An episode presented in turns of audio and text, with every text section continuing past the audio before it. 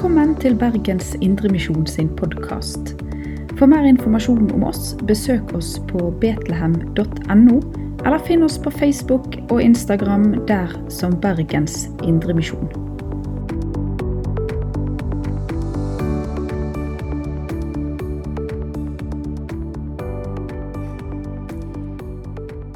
Søndagens tekst det er eh, evangelieteksten for 11. søndag i treenigheten.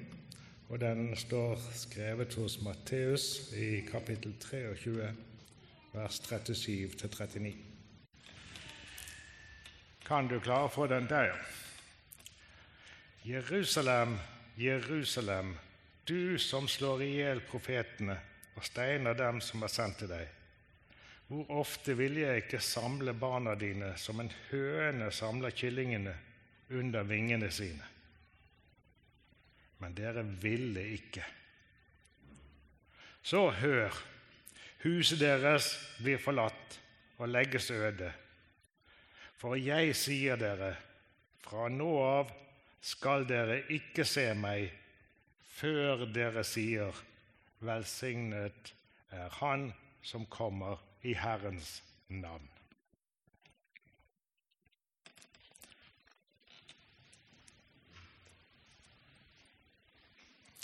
Ja, teksten er trist lesing.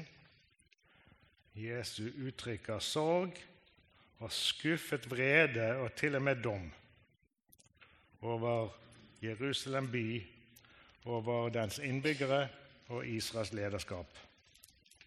Han fremsier dessuten en eh, profeti, og den skal vi komme tilbake til etter hvert. I kristne gudstjenester så tales normalt over korte tekster. Um, hvis eh, Bibelen, hvis, hvis Guds åpenbaring var et gigantisk maleri, så snakker vi om noen få detaljer på hvert møte. Um, det som lett blir borte i denne måten å arbeide på, det er det store bildet. For å se hele bildet så må en ta et skritt tilbake og ta inn over seg helheten.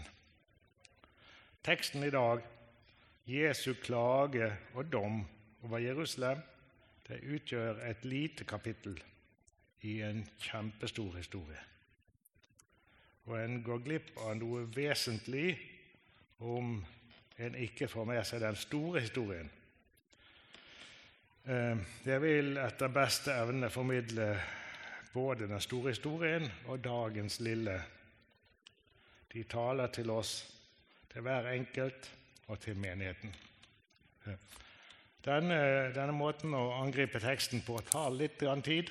Eh, jeg tror ikke vi klarer de vanlige 20 minuttene på dette her. Um, jeg tenkte at um, siden vi ikke har barna med oss i dag, at det kanskje går bra.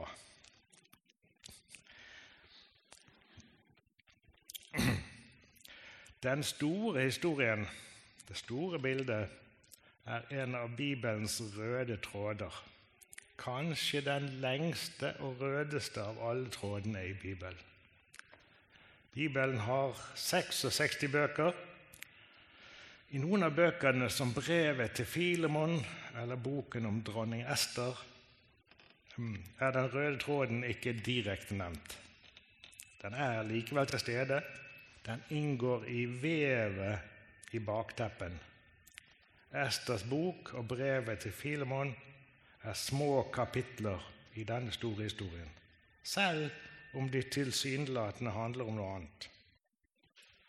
Jeg har valgt å kalle historien den største av alle kjærlighetshistorier. Den største av alle kjærlighetshistorier. Da jeg var liten, så var uh, fenomenet kjærlighetshistorie noe litt kleint, noe litt uh, Ja. Jeg møtte dem i ukeblader og slikt, og, og, slik jeg husker det, så handlet de om uh, unge leger og vakre sykepleiere. eller om en kjekk ung pilot og flyvertinne. Seinere kom det en kinofilm som jeg var for ung til å slippe inn på. Den het rett og slett 'Love Story'. Den satte hele verden på ende omtrent da jeg var ung, og veldig mange som så den.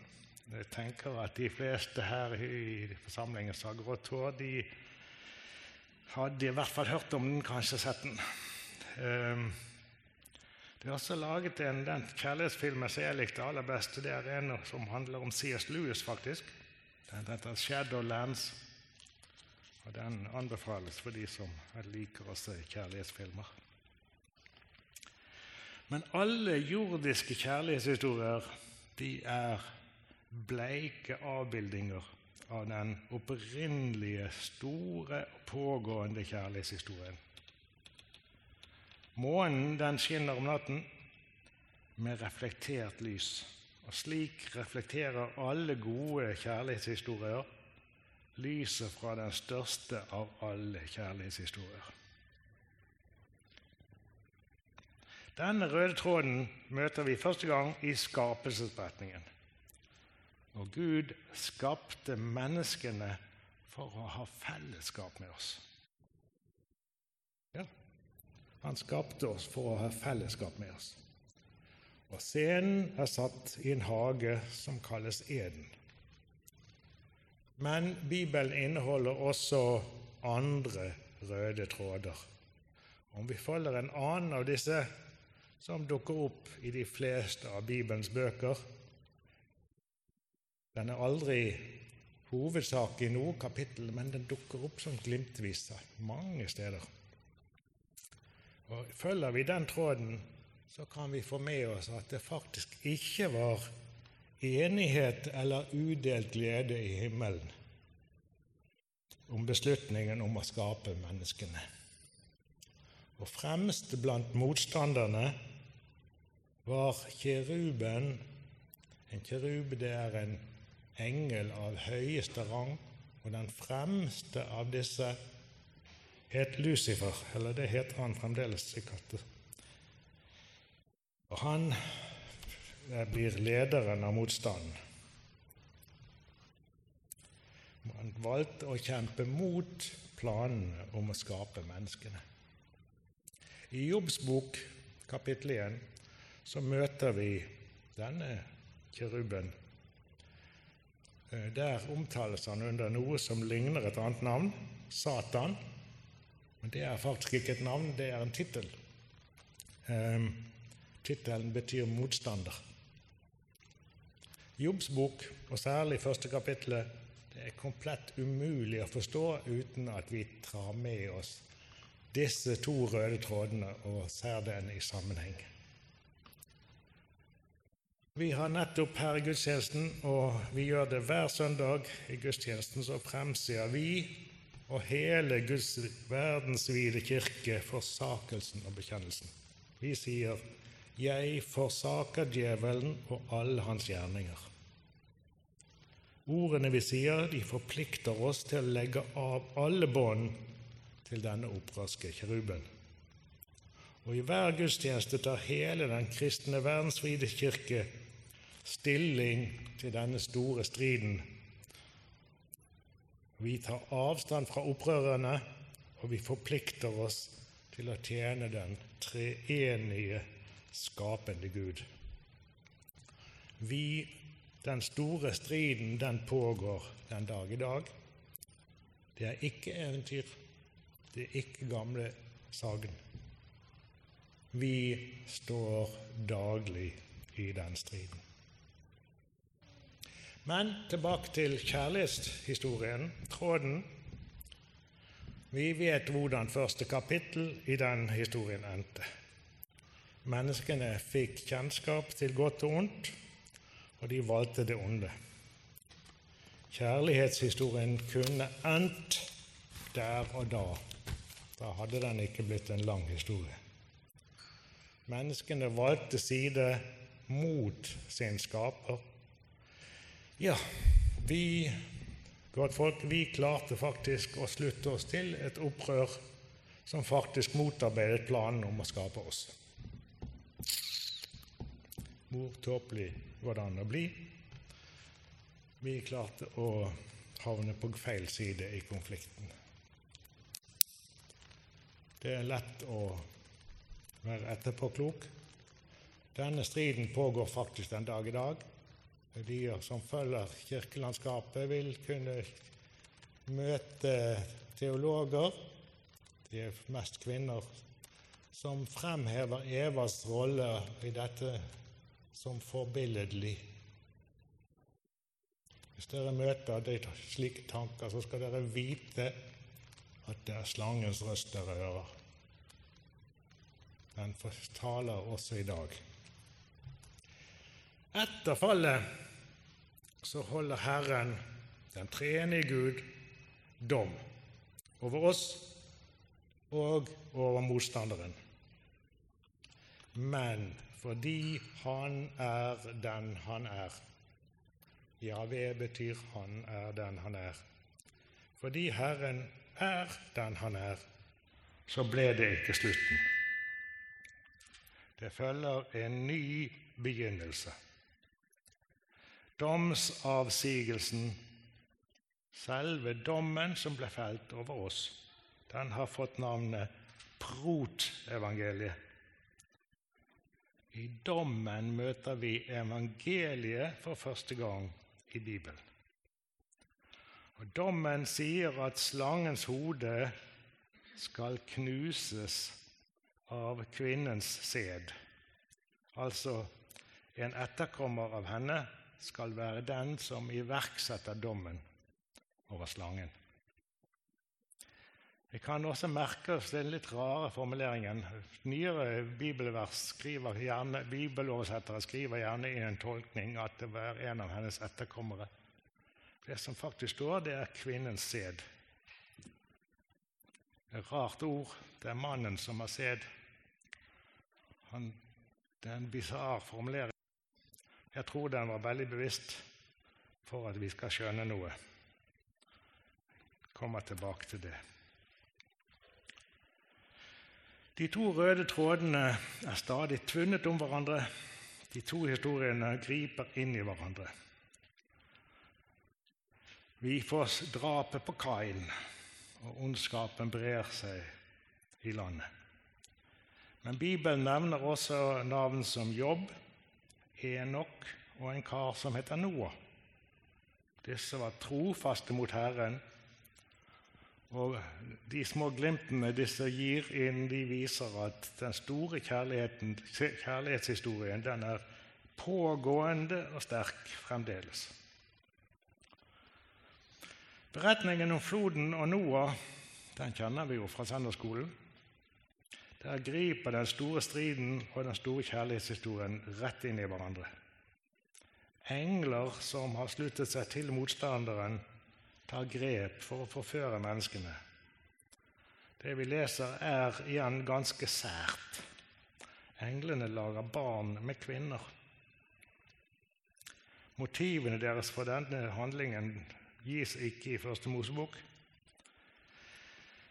Men handlingen kan kaste lys over Herrens ord i protevangeliet.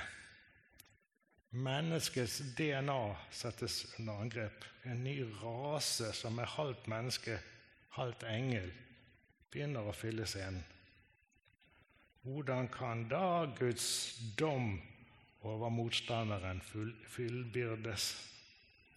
Herrens domsavsigelse sier uttrykkelig at slangens hode skal knuses av kvinnens sæd.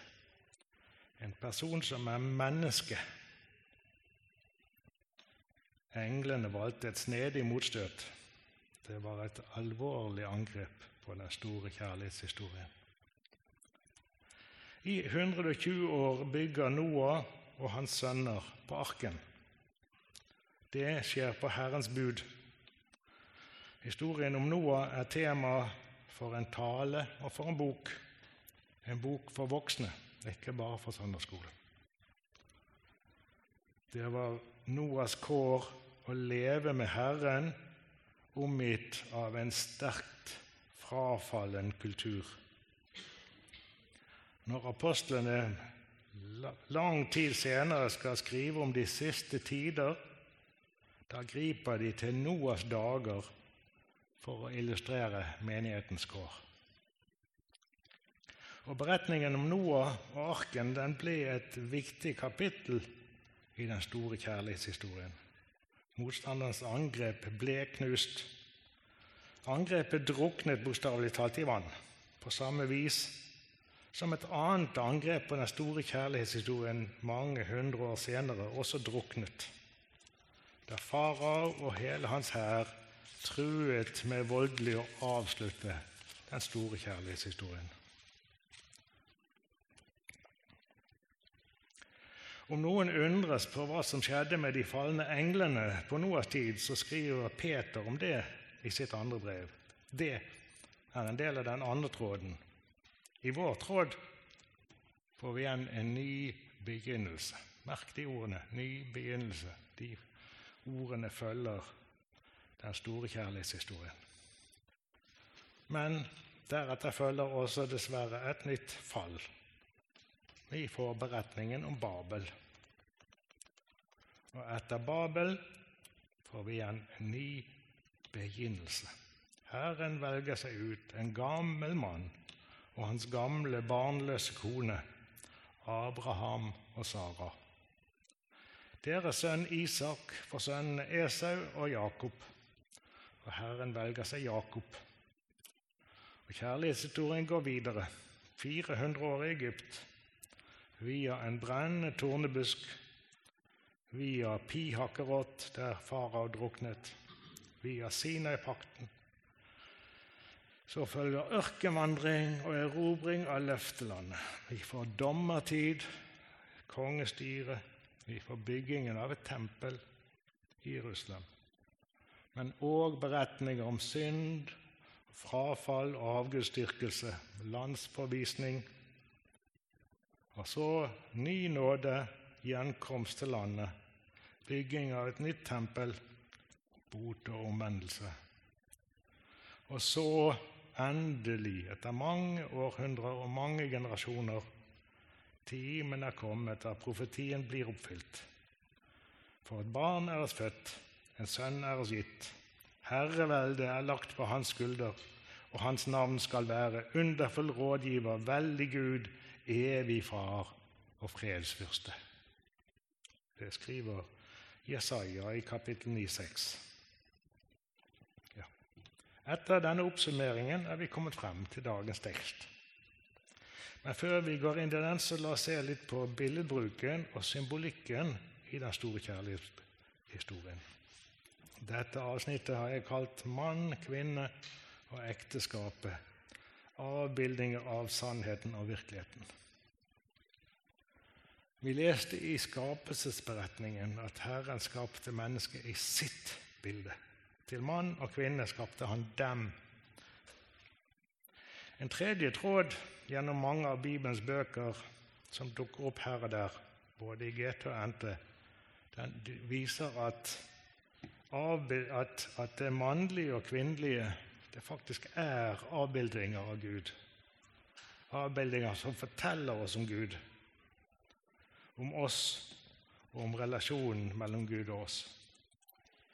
At vi er skapt som kvinne og mann, og at de fleste vokser opp i en familie, det former vårt gudsbilde. Dette er en dyp hemmelighet. Det var ingen, på ingen måte tilfeldig at Herren skapte oss slik.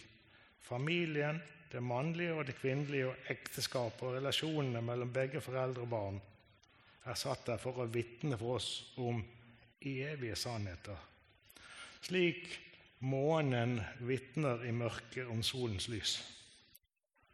Ja, selv seksuallivet, en god Guds gave, er avbilding som vitner om noe som er større og viktigere enn det umiddelbart sanselige.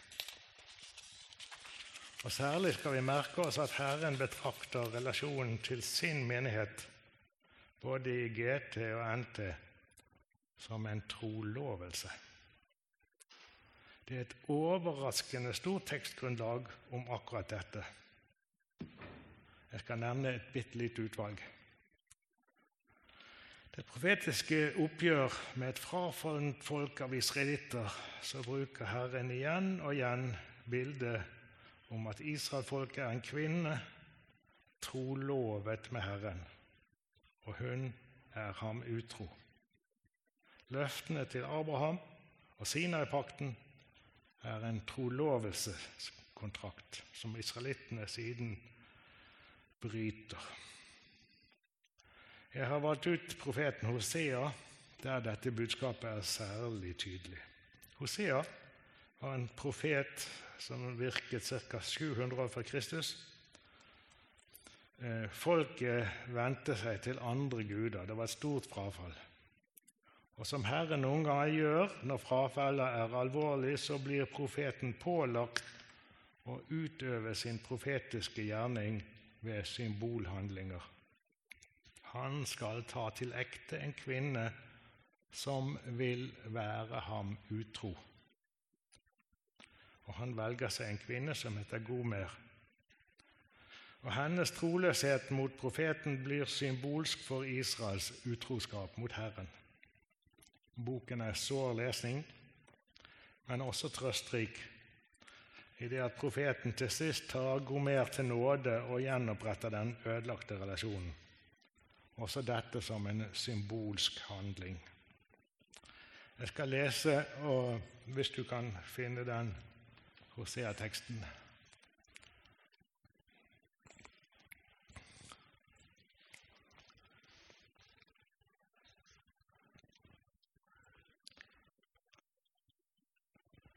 Ja, jeg begynner. Gud tar Israel til nåde igjen. Derfor vil jeg lokke henne, føre henne ut i ørkenen og tale til hennes hjerte. Der vil jeg gi henne vingårdene tilbake, og Akodalen skal bli en håpets port. Der skal hun svare som i ungdomsdagene da hun dro opp fra Egypt. Og den dagen, sier Herren, skal hun kalle meg min mann. Hun skal ikke lenger kalle meg min Baal. Jeg vil fjerne Baal-navnet fra hennes munn. Det skal ikke nevnes mer. Den dagen vil jeg slutte en pakt for dem med villdyrene på marken, fuglene under himmelen og krypet på jorden. Bue og sverd og krigsvåpen vil jeg bryte i stykker og utrydde av landet. Jeg vil la dem bo trygt. Og så kommer det løftet. Jeg vil binde meg til deg for alltid. Jeg vil binde meg til deg i rettferdighet og rett, kjærlighet og barmhjertighet. Jeg vil binde meg til deg i troskap, og du skal kjenne Herren. Jeg vil binde meg til deg for alltid, jeg vil binde meg til deg i rettferdighet og rett, i kjærlighet og barmhjertighet. Jeg vil binde meg til deg i troskap, og du skal kjenne Herren, sier står det i vers 19 tross alle disse såre detaljene, der, ja, der hørte vi Herrens løfte igjen. Han er bundet til Israel, til sin menighet på jorden. Tross alle de såre detaljene så er Hoseas bok også full av Messias-profetier. En interessant sammenkobling sett i lys av den lange, røde tråden vi her snakker om. Altså symbolhandlinger som taler til et frafallent folk, gis sammen med Messias-profetier. Også i NT er det et solid tekstgrunnlag for tanken om Gud og menigheten som trolovet. Jeg vil nøye meg med å sitere fra Paulus i 2. kor 11, 2-5. For jeg har en brennende omsorg for dere, Guds egen omsorg. Jeg har forlovet dere med Kristus, og bare med Han, for å føre dere til ham som en ren jomfru. Jeg skal lese om igjen det første verset der. For jeg har en brennende omsorg for dere, Guds egen omsorg. Jeg har forlovet dere med Kristus, og bare med ham for å føre dere til ham som en ren jomfru. Og Så kommer fortsettelsen. Men jeg er redd at slik slangen narret Eva med sin list, skal, dere, skal også deres tanker bli ført på avveier bort fra den oppriktige og rene hengivenhet mot Kristus.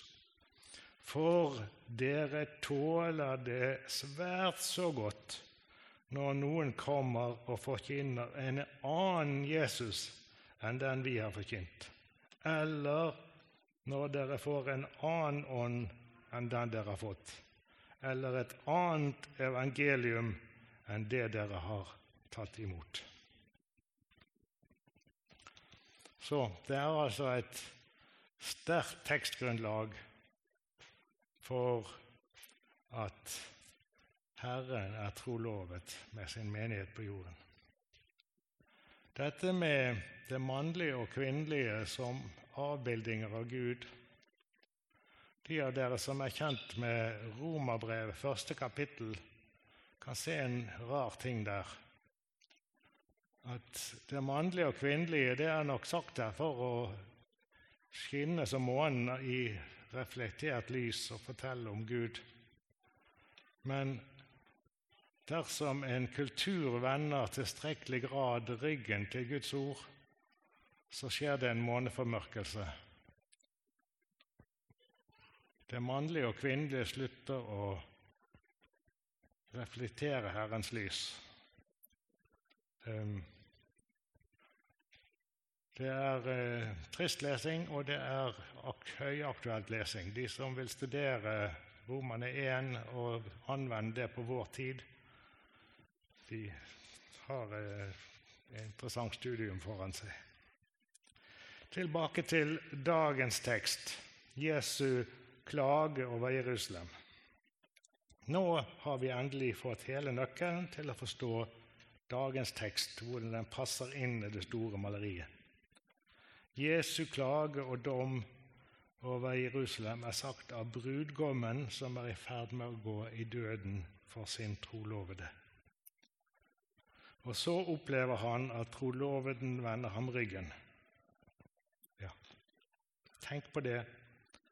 La det synke inn. Da forstår vi kanskje litt av smerten bak Jesu klagerop over Jerusalem.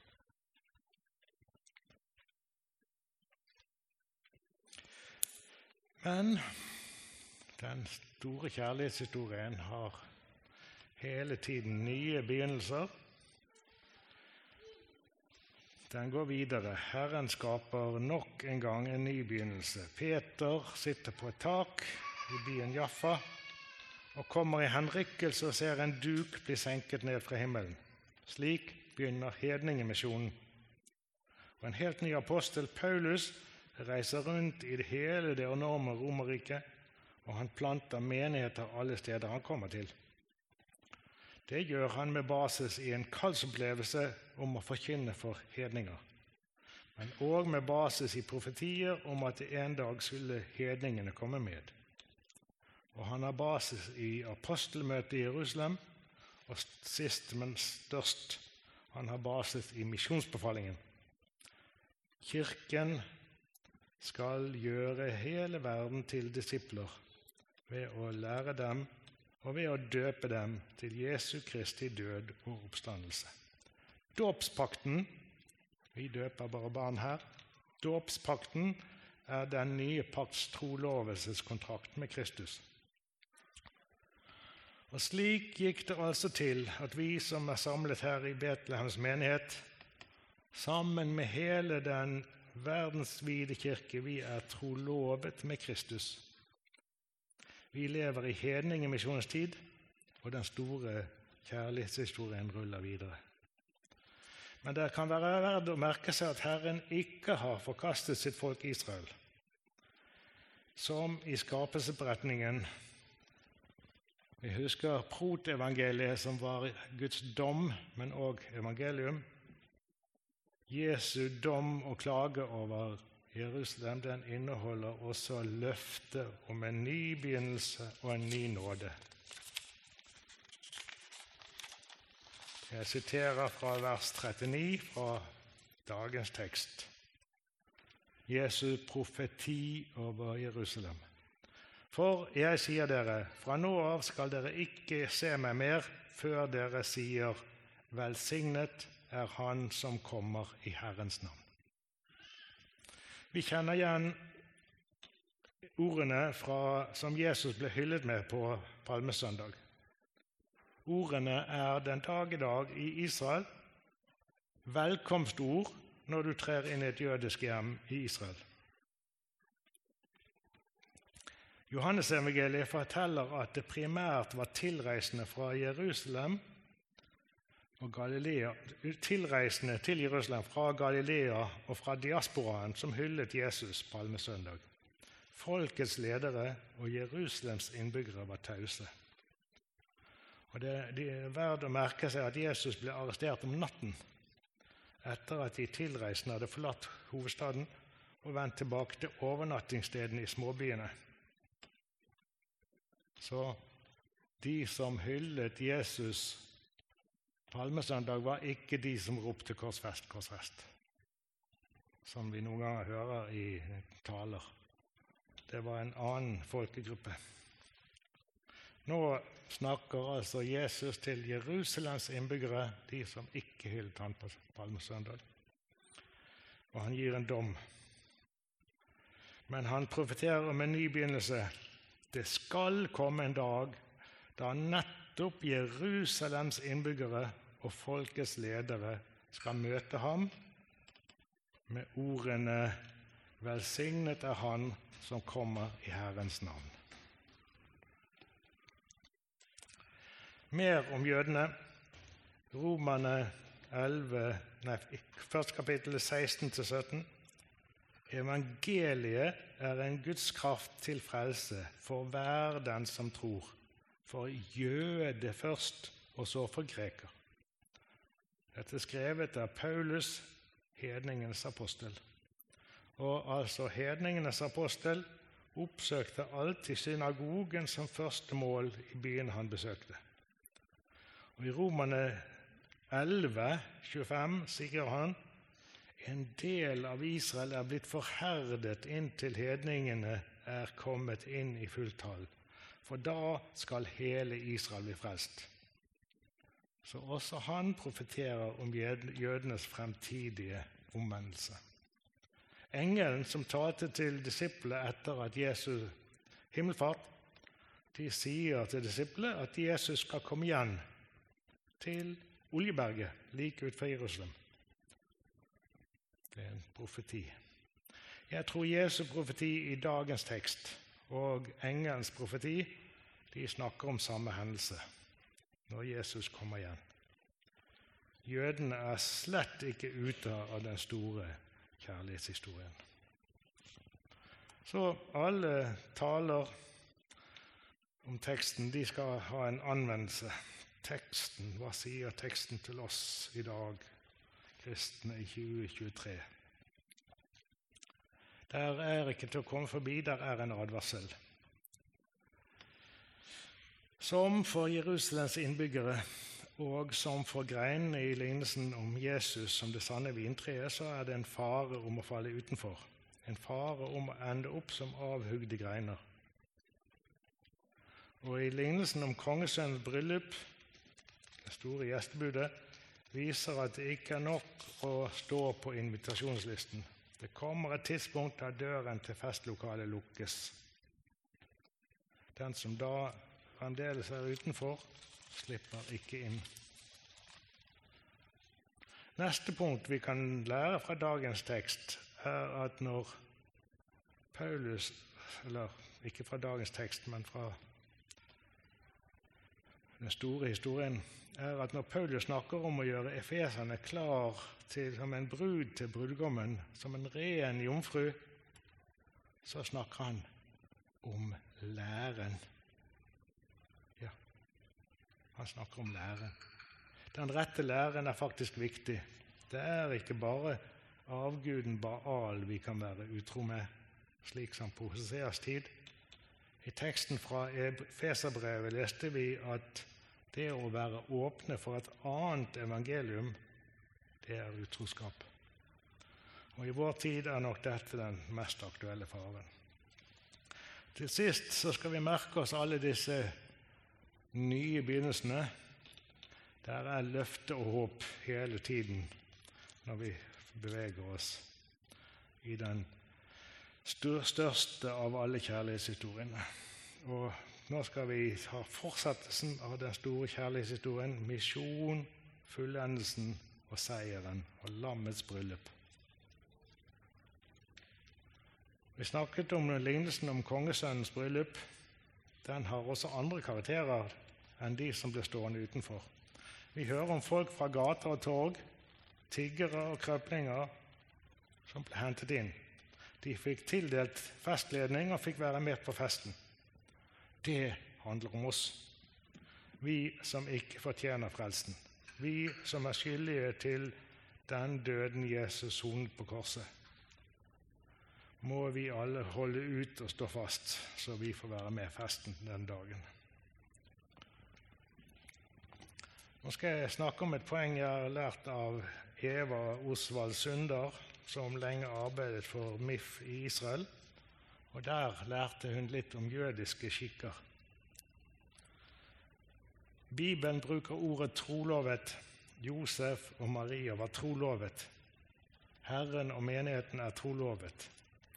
Det jødiske ordet er ketuba. Og ulik vår forlovelse så er det en legal, bindende kontrakt, signert med vitner. I ketuba forplikter brudgommen seg økonomisk til å holde hus og klær og gi rettigheter til arv om han skulle dø. Og kvinnen hun binder seg til brudgommen. Etter inngåelsen av ketuba lever de atskilt, men de er ektefolk. Og det kunne dreie seg om lang tid om brudgommen først måtte bygge huset de skal bo i. Eh, som et sidestek har oldeforeldre som var forlovet i seks år mens han bygget huset og ryddet gården de skulle bo på. Så det har skjedd i Norge òg. Hun, hun som inngår Ketuba, hun viser sin forpliktelse til hele verden ved å ha et brennende lys i vinduet. Når så brudgommen er klar med hus og alt det han skulle ordne, så kommer han under festivitas for å hente henne. Det skjer om kvelden. Og så kommer clouet. Om han ser et brennende lys i vinduet, trer han inn i festlokalet og henter henne. Så Denne scenen kjenner vi igjen fra lignelsen om brudepikene. Men det vi hedninger ikke kjenner igjen, er de formelle ordene Jesu bruker i sin avskjed til disiplene. Jeg skal lese fra Johannes 14, vers 1-6. Jesus sier La ikke deres hjerte forferdes. Tro på Gud og tro på meg. I min fars hus er det mange rom. Var det ikke slik, da hadde jeg sagt dere det. Og så kommer det. For jeg går bort for å gjøre i stand et sted for dere. Og når jeg har gått bort og gjort i stand et sted for dere, kommer jeg igjen og skal ta dere til meg, for at dere skal være der jeg er. De jødiske disiplene til Jesus de gjenkjente nok med en gang at Jesu avskjed bruker de formelle ordene som brudgommen sier til bruden etter signeringen av Ketuba. Jesus snakker til de elleve apostlene, og altså til sin verdensvide menighet på jorden, og han bruker brudgommens formelle hilsen til bruden. Vi kristne lever derfor i trolovelsestiden. Og trolovelsestiden har et hebraisk navn. Jeg klarer ikke å si det, men oversatt til norsk så heter den tiden helliggjørelsen.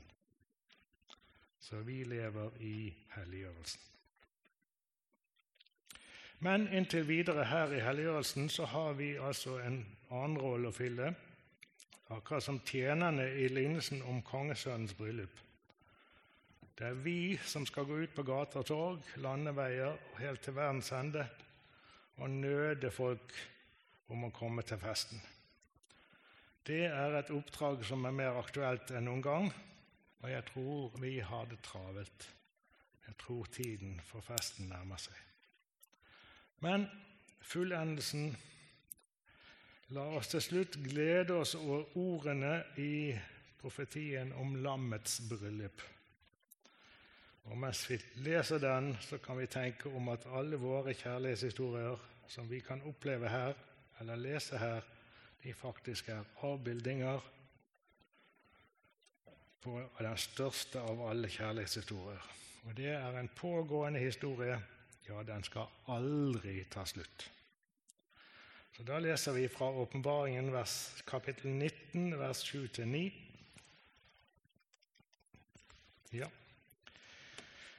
La oss juble og glede La oss, glede og juble og gi Han æren. Tiden er kommet for lammets bryllup. Hans brud har gjort seg i stand. Nå er det ikke den trolovede, nå er det hans brud. Hans brud har gjort seg i stand, og hun har fått en drakt av skinnende lin. Og så kommer forklaringen. Linet er de helliges rettferdige gjerninger. Dette er fullendelsen, dette er lammets bryllup. Dette er det vi har å se frem til. Må vi alle få oppleve den dagen.